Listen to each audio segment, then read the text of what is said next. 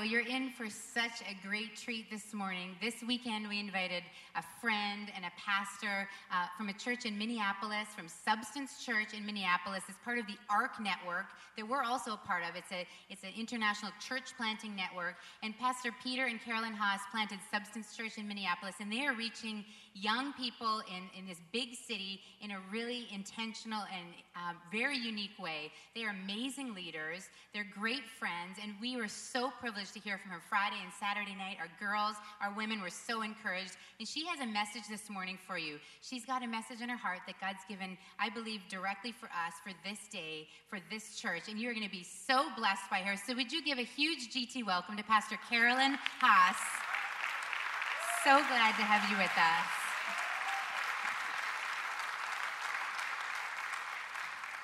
I love you guys. It is so great to be here, and it has been such an honor to be with your women, to be with your girls.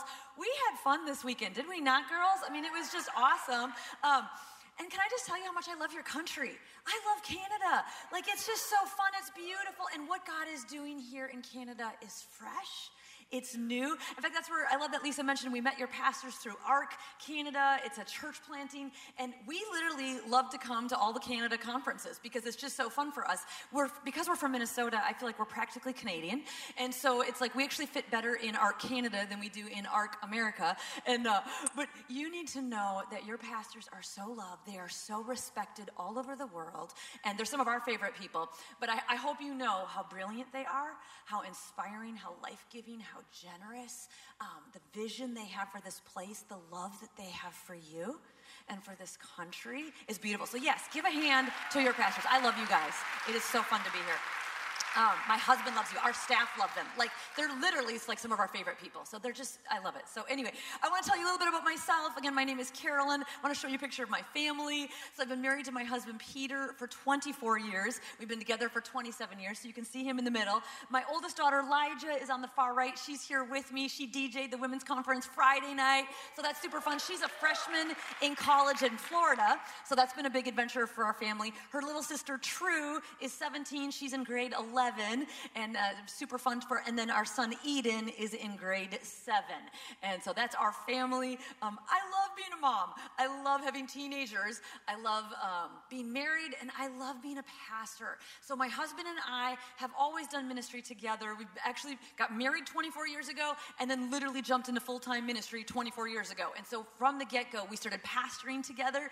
Uh, we were youth pastors for a couple years, then we became senior pastors in rural central Wisconsin, uh, which is right above Chicago. And, um, and then we um, did that for nine years and felt like God called us to resign that congregation and move three hours um, to Minneapolis, Minnesota, a city of four million people and, uh, and plant a new church. So 15 and a half years ago, we moved, planted Substance Church in the United States. We were ARC church plant number 15, so that's kind of fun. Um, right now, ARC has planted over 900 churches as of last week. So yeah, so it's really fun for us to be a part of church planting. But Minneapolis is a really unique city. The reason why we moved there is the population is 4 million, but of that, 70% of the population is under the age of 34. And if you're under the age of 34, less than 1% go to church.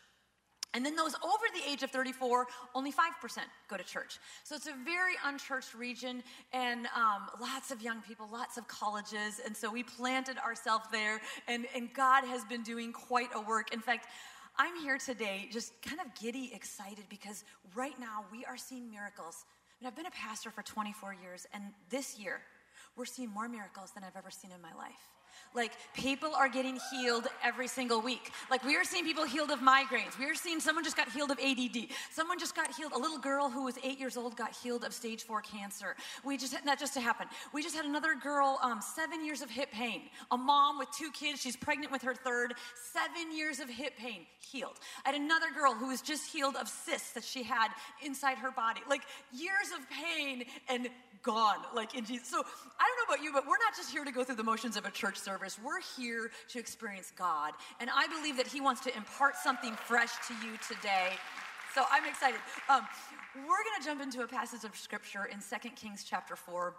And what I love about the Bible and what I love about reading the Bible is we read about people's stories and we read about the journey that they're on and we see some of their struggles and we see where they're overwhelmed and we watch them cry out to God and we watch God intervene and we see his provision and we see the miracle. And when you read the Bible, it's like you read it kind of fast and you just think, oh, it just happened, you know. But sometimes we have to stop and pause and really meditate on these miracles and look at what happened in the middle. Well, they were waiting in the unknown, in the delay, in the uncertainty. So, we're going to do that today. We're going to read about a woman who honestly experienced, I think, her worst tragedy. Second Kings chapter 4, we'll have the scriptures on the screen. It says this One day, the widow of a member of the group of prophets came to Elisha and cried out, My husband who served you is dead. And you know how he feared the Lord but now a creditor has come, threatening to take my two sons as slaves. Can you imagine that? Elisha says, What can I do to help you? Tell me, what do you have in the house? Her response was, Nothing at all. Oh, except a flask of olive oil, she replied.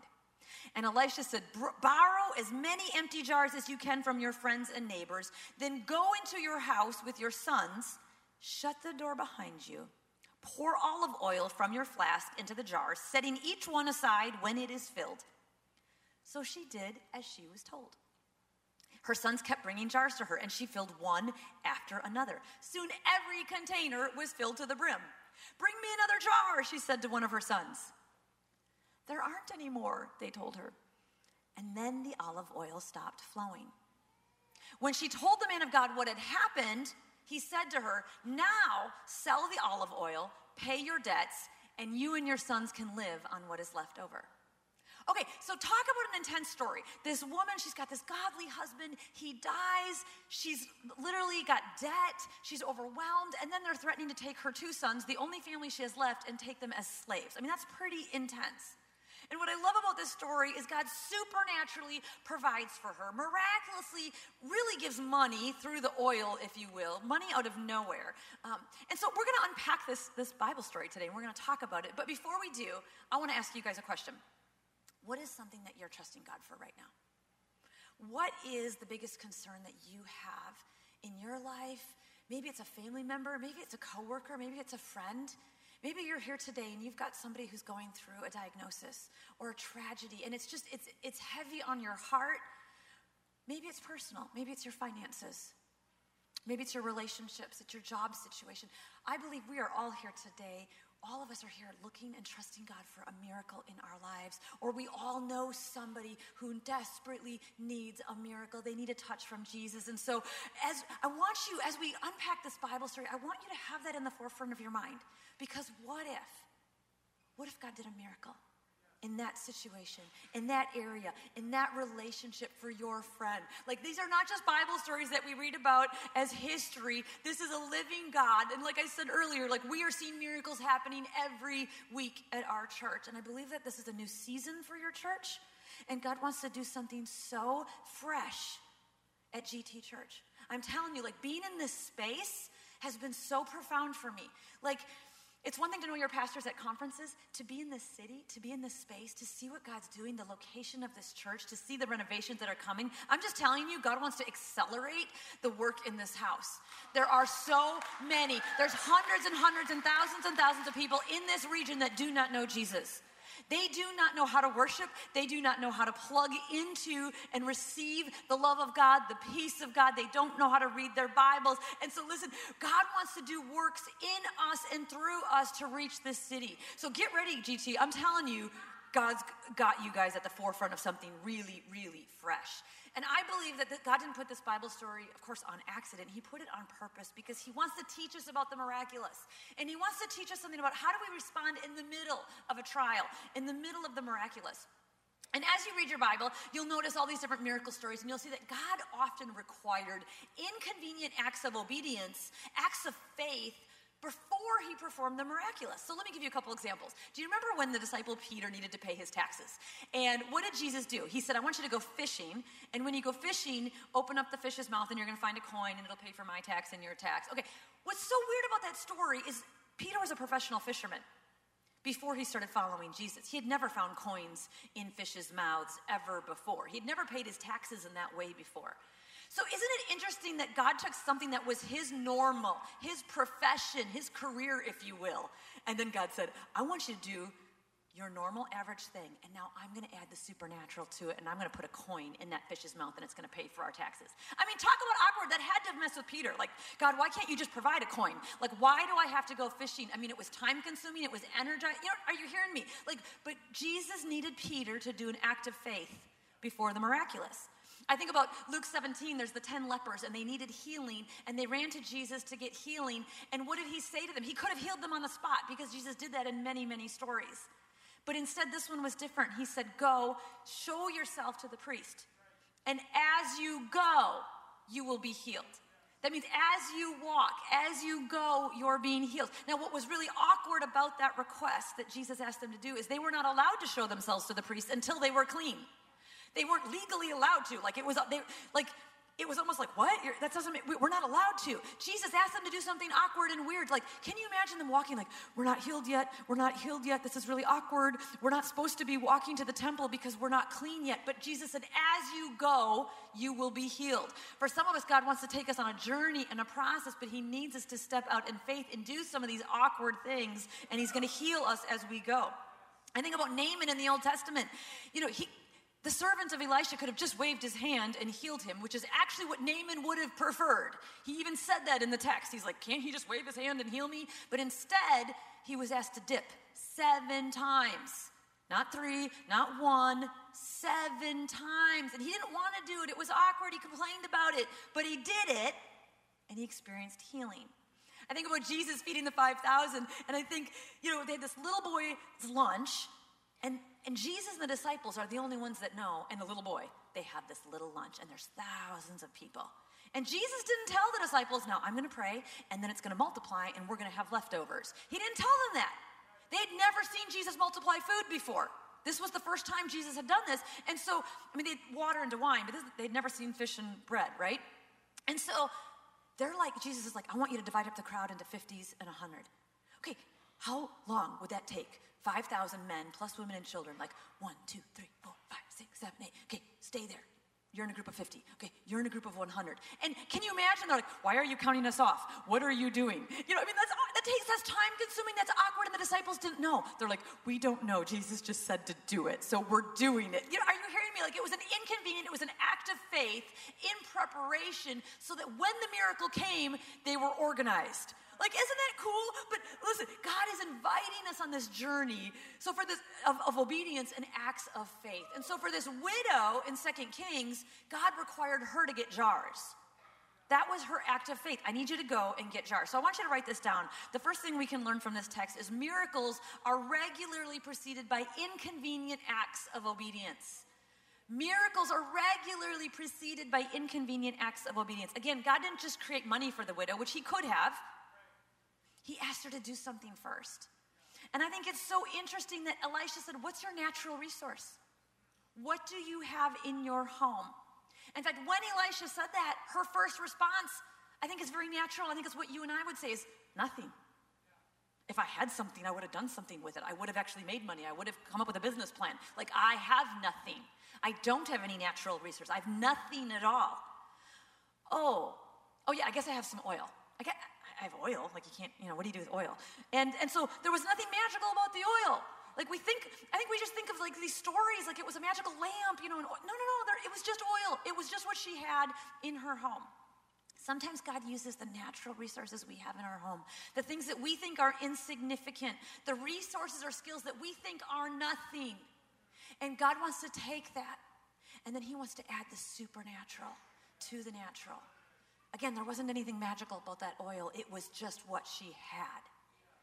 And I love that God that Elisha didn't tell her how it was going to end. He didn't say, "Okay, so you're going to get oil, and then you're going to pour it, and then we're going to sell it, and then your debt's going to be paid." He didn't tell her that. He said, "You're going to get jars, and you're going to get, and you're going to pour the oil." That's all he said. So she didn't know the outcome.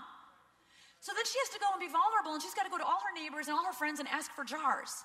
And they don't know why she needs jars. And I don't know about you, but like in Minnesota, like I'm super introverted. I don't know any of my neighbors. Like we pull into our driveway, we shut our garage door, and we stay in our house. And it's a really long winter, and we don't leave our house. You know, you're just, you don't talk to neighbors. You, you maybe wave and smile because we're really friendly and nice in Minnesota, but that's it.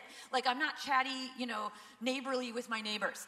And so I can't imagine the vulnerability of having to go and talk to all my neighbors and ask for jars. What do you need the jar for? Can I just borrow it? You know, and then if my neighbors, why do you, okay, what's going on? So I'm sorry your husband died. Like, so what's happening with your kids? Are they going to get sold into slavery? And what are you going to do with your debt? And you're having to rehash your grieving, your woundedness, your pain. I mean, talk about awkward, talk about emotional, but I think God required this widow to get vulnerable about her problem. God intentionally put her in a position where she had to ask for help. And if I'm going to be honest, I think a lot of us are terrible at that.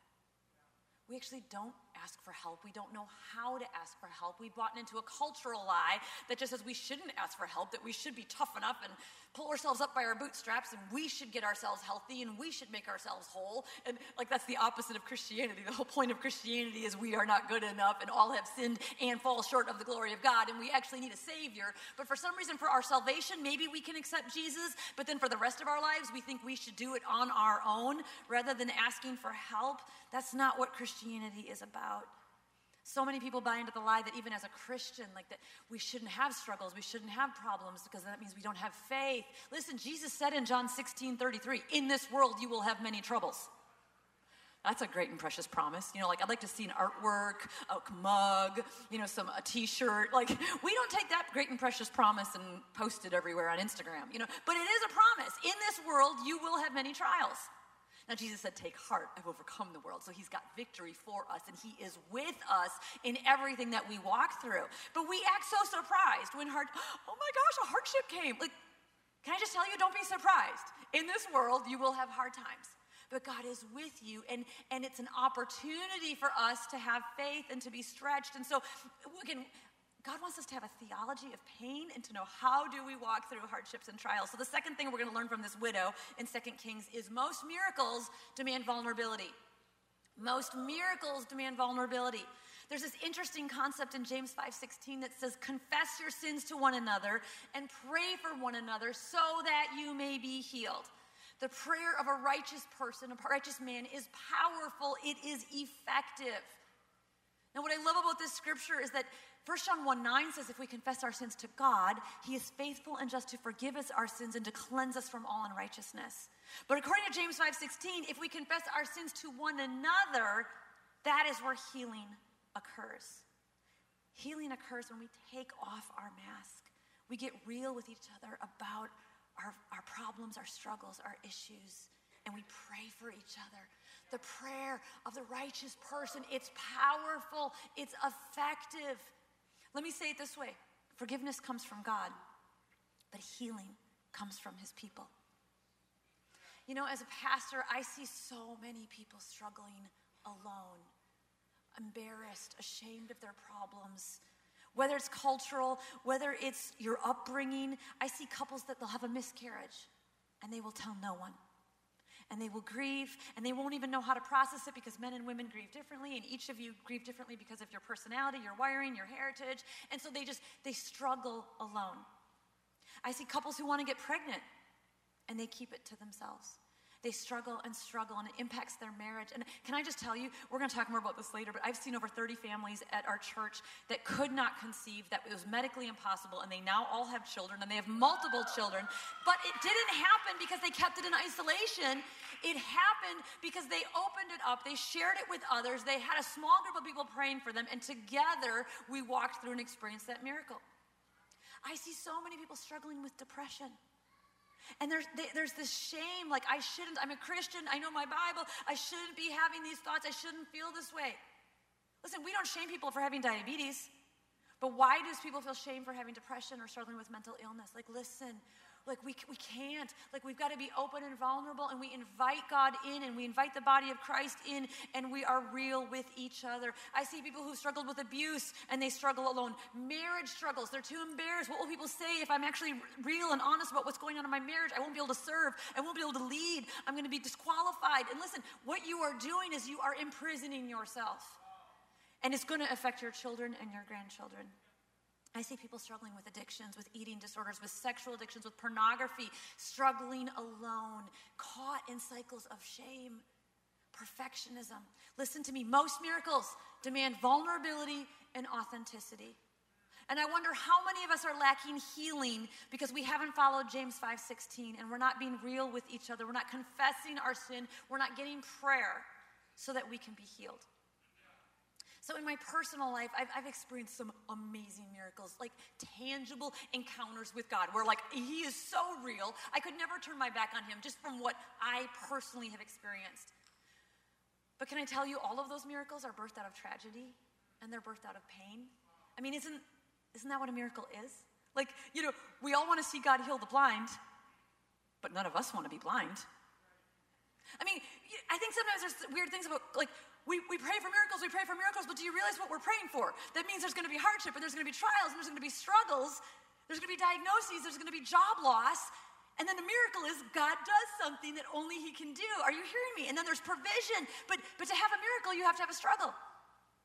We all want to see God move a mountain, but we don't want that mountain to be in our way or in our path, delaying our journey and our promotion and what we see our life to be.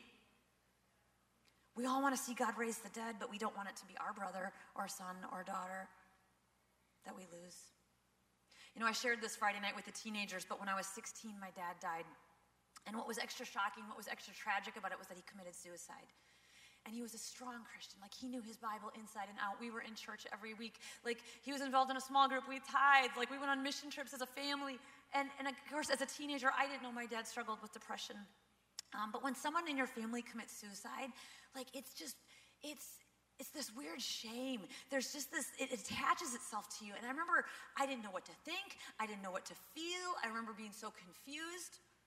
I didn't know what this meant about me. Like, what do, how am I now defined as a girl? Like, what does this mean? What are people going to think about me? I thought my family was perfect, and now it's not. I remember just having this hole in my heart. I didn't have a dad anymore. And I just remember grieving and all the stages of grieving from denial to anger to confusion and, and loss. And, and I remember nine months into the journey of grieving, I found this scripture, Psalm 68, that says, God will be a father to the fatherless, a defender of widows. Like that is God in his holy dwelling, it's who he is. And I just remember in my feistiness, in my grieving, taking my Bible and just kind of throwing it at God and being like, oh, yeah? Like, okay, I'm fatherless.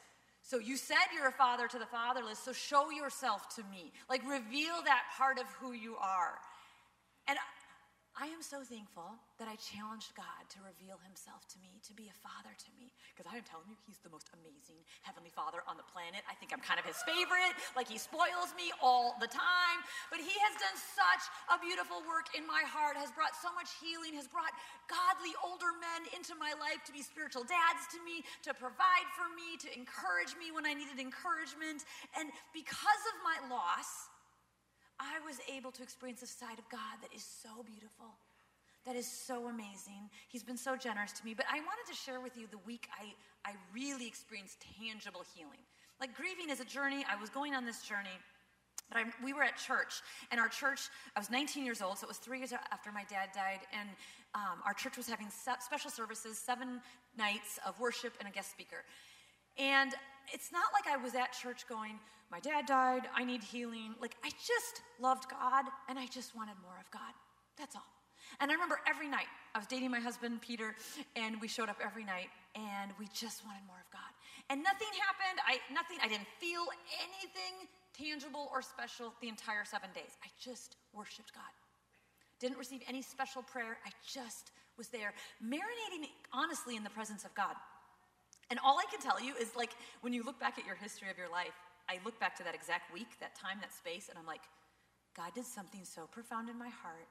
He so filled the hole that was in my heart with Himself that I am no longer, I've no longer been limping through life. Like I thought I would just kind of limp through life the rest of my life, a victim of suicide. And, and it's like, you guys, it's the most beautiful thing. Like I didn't know you could be this healed. And I don't know if you've ever experienced shame.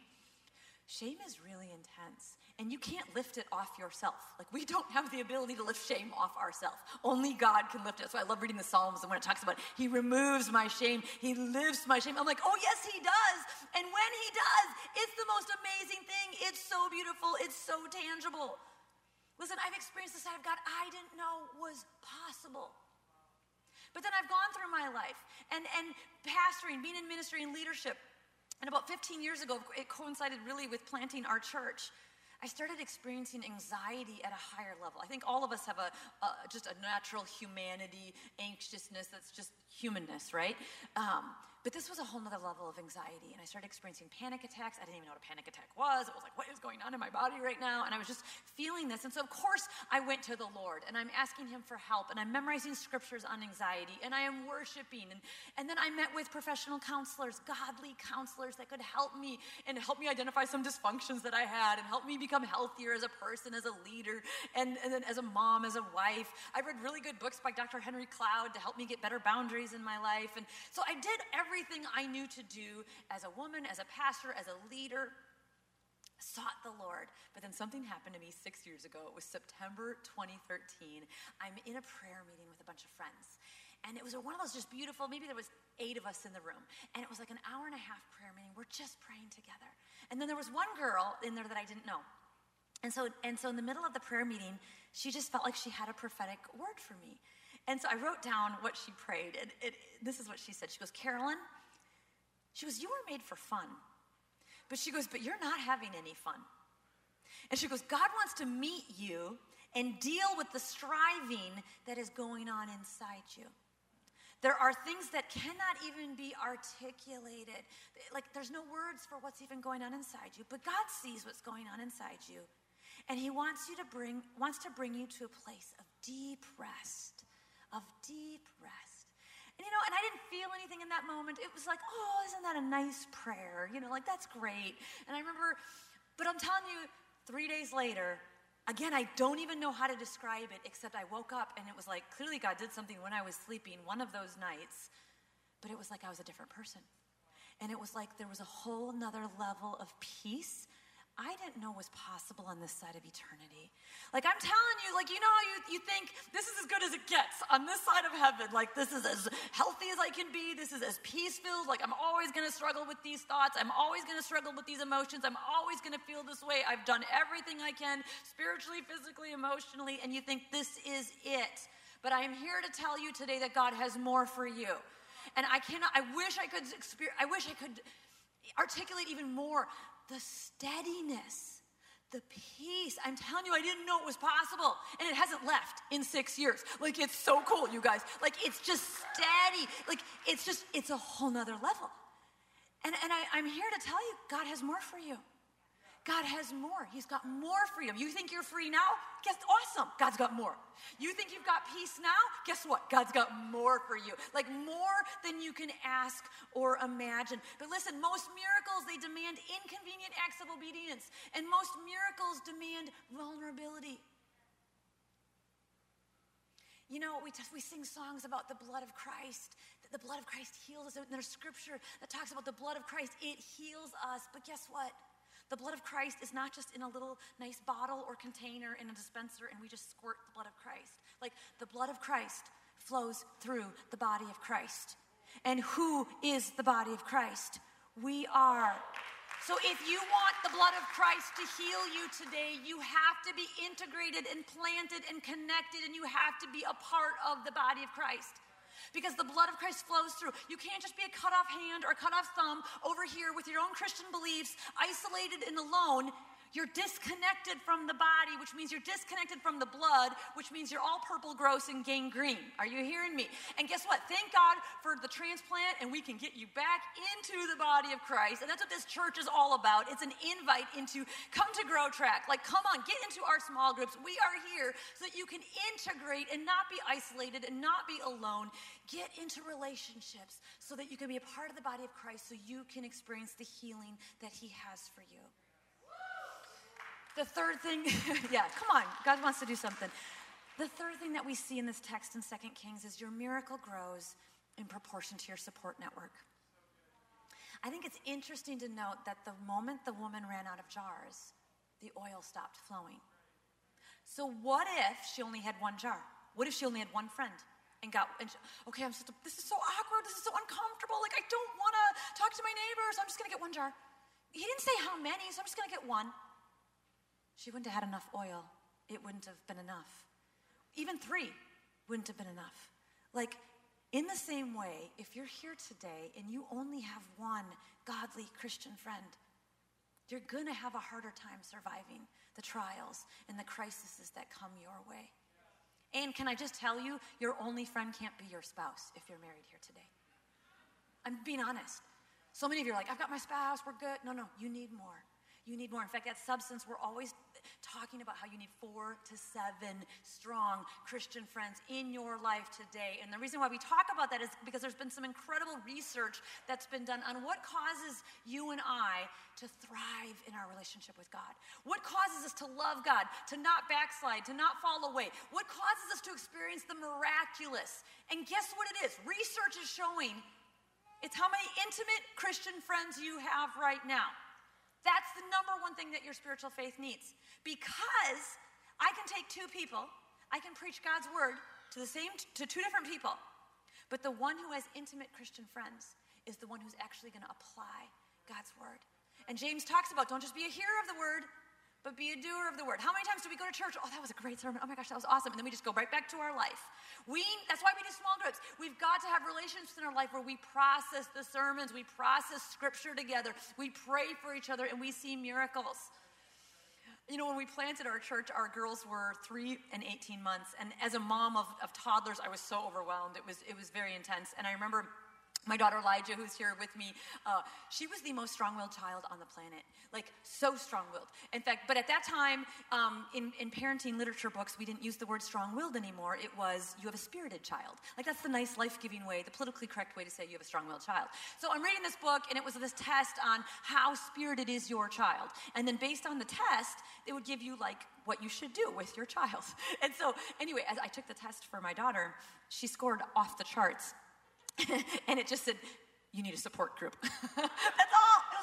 Good luck, you know. And so, anyway, what I did is, of course, I read every parenting book I could get my hands on, but I started a mom's group at our church. And it wasn't because I was a parenting expert. It wasn't because I knew everything about parenting. It was I needed help.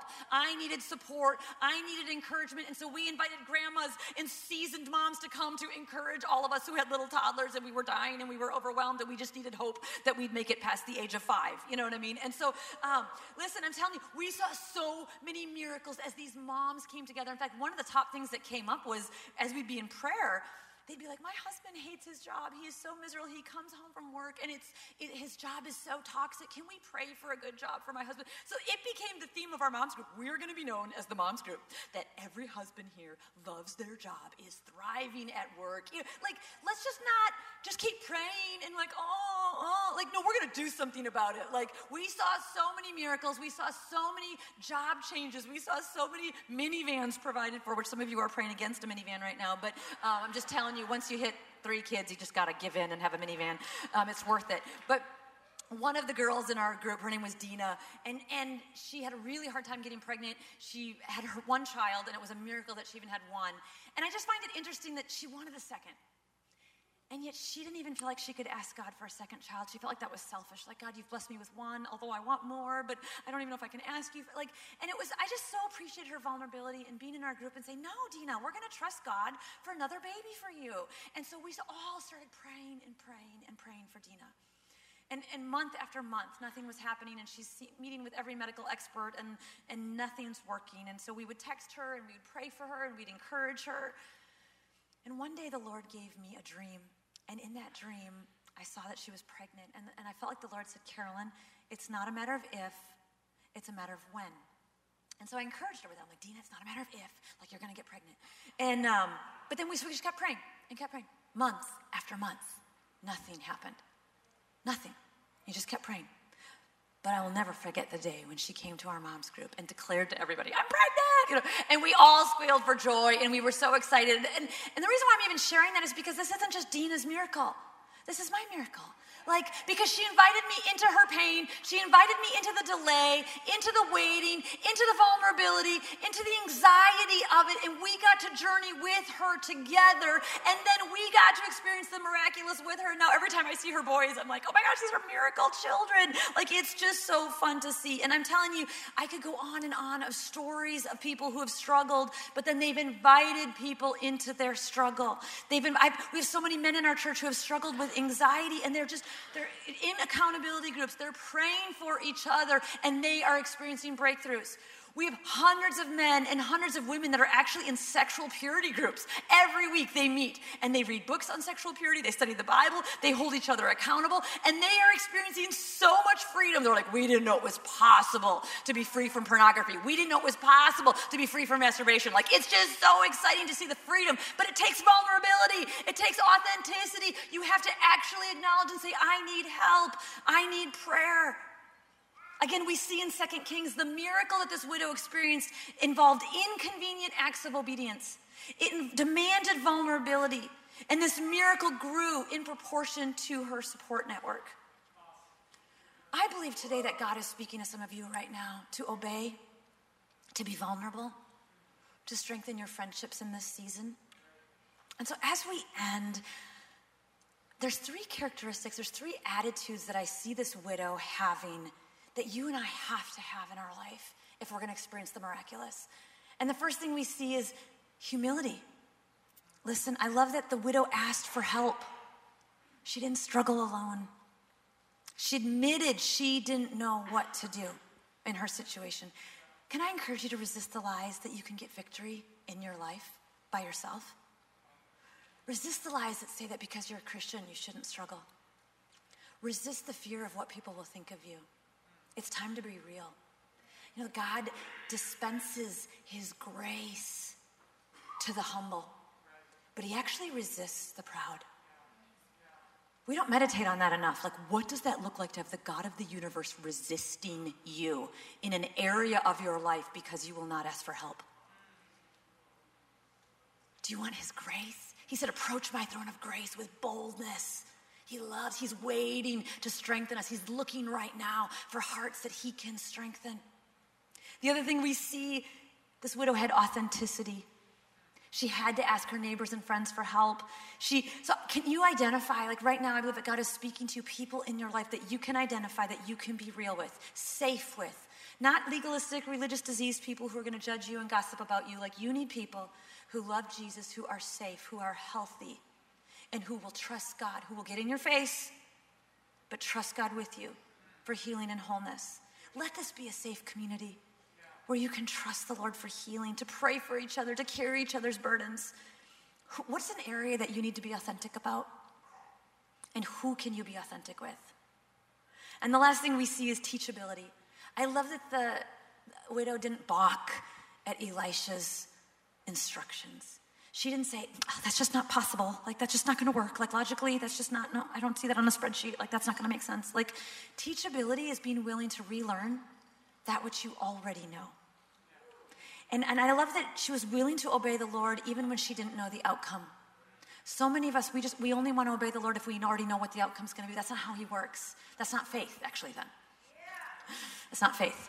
So, like, and then she was willing to listen to the input of others. And I, I would just argue some of us, we, we're prideful, we're stubborn, we're unteachable. We think we know what we need. And there are, there are some godly leaders and pastors in this church that have wisdom and insight. Would you ask for wisdom? Would you ask your small group leader, What do you see in my life? What's a blind spot? And then don't be offended. You know, I remember the story of Naaman. We talked about it. He had leprosy and he went to Elisha to get healed. And Elisha sent the servant out. And Naaman got all offended because he wanted the man of God. Listen, sometimes you don't need the man of God, you need the servant. You need an assistant, you need somebody else. Like, stop looking for someone special to pray for you. It's okay enough an assistant if you're a small group leader. That's what it's the body of Christ. Our job as pastors is to equip the saints to do the work of the ministry. We have to stop looking for something magical in particular from a particular person because we're ultimately looking for God to heal us. And I love that Naaman got all offended. He didn't want to be in the Jordan River, but check it out. It was his friends that were with him. It was his friends. He was going to huff off. He was offended. He's like, I am not jumping in. The Jordan River is gross. It's dirty. And it was his friend says, No, no, no, no, Naaman, like, come on, come on. What does it hurt? Like, just do it. Just do what he says. The friends are the ones that got Naaman his healing. Naaman would have walked away not healed.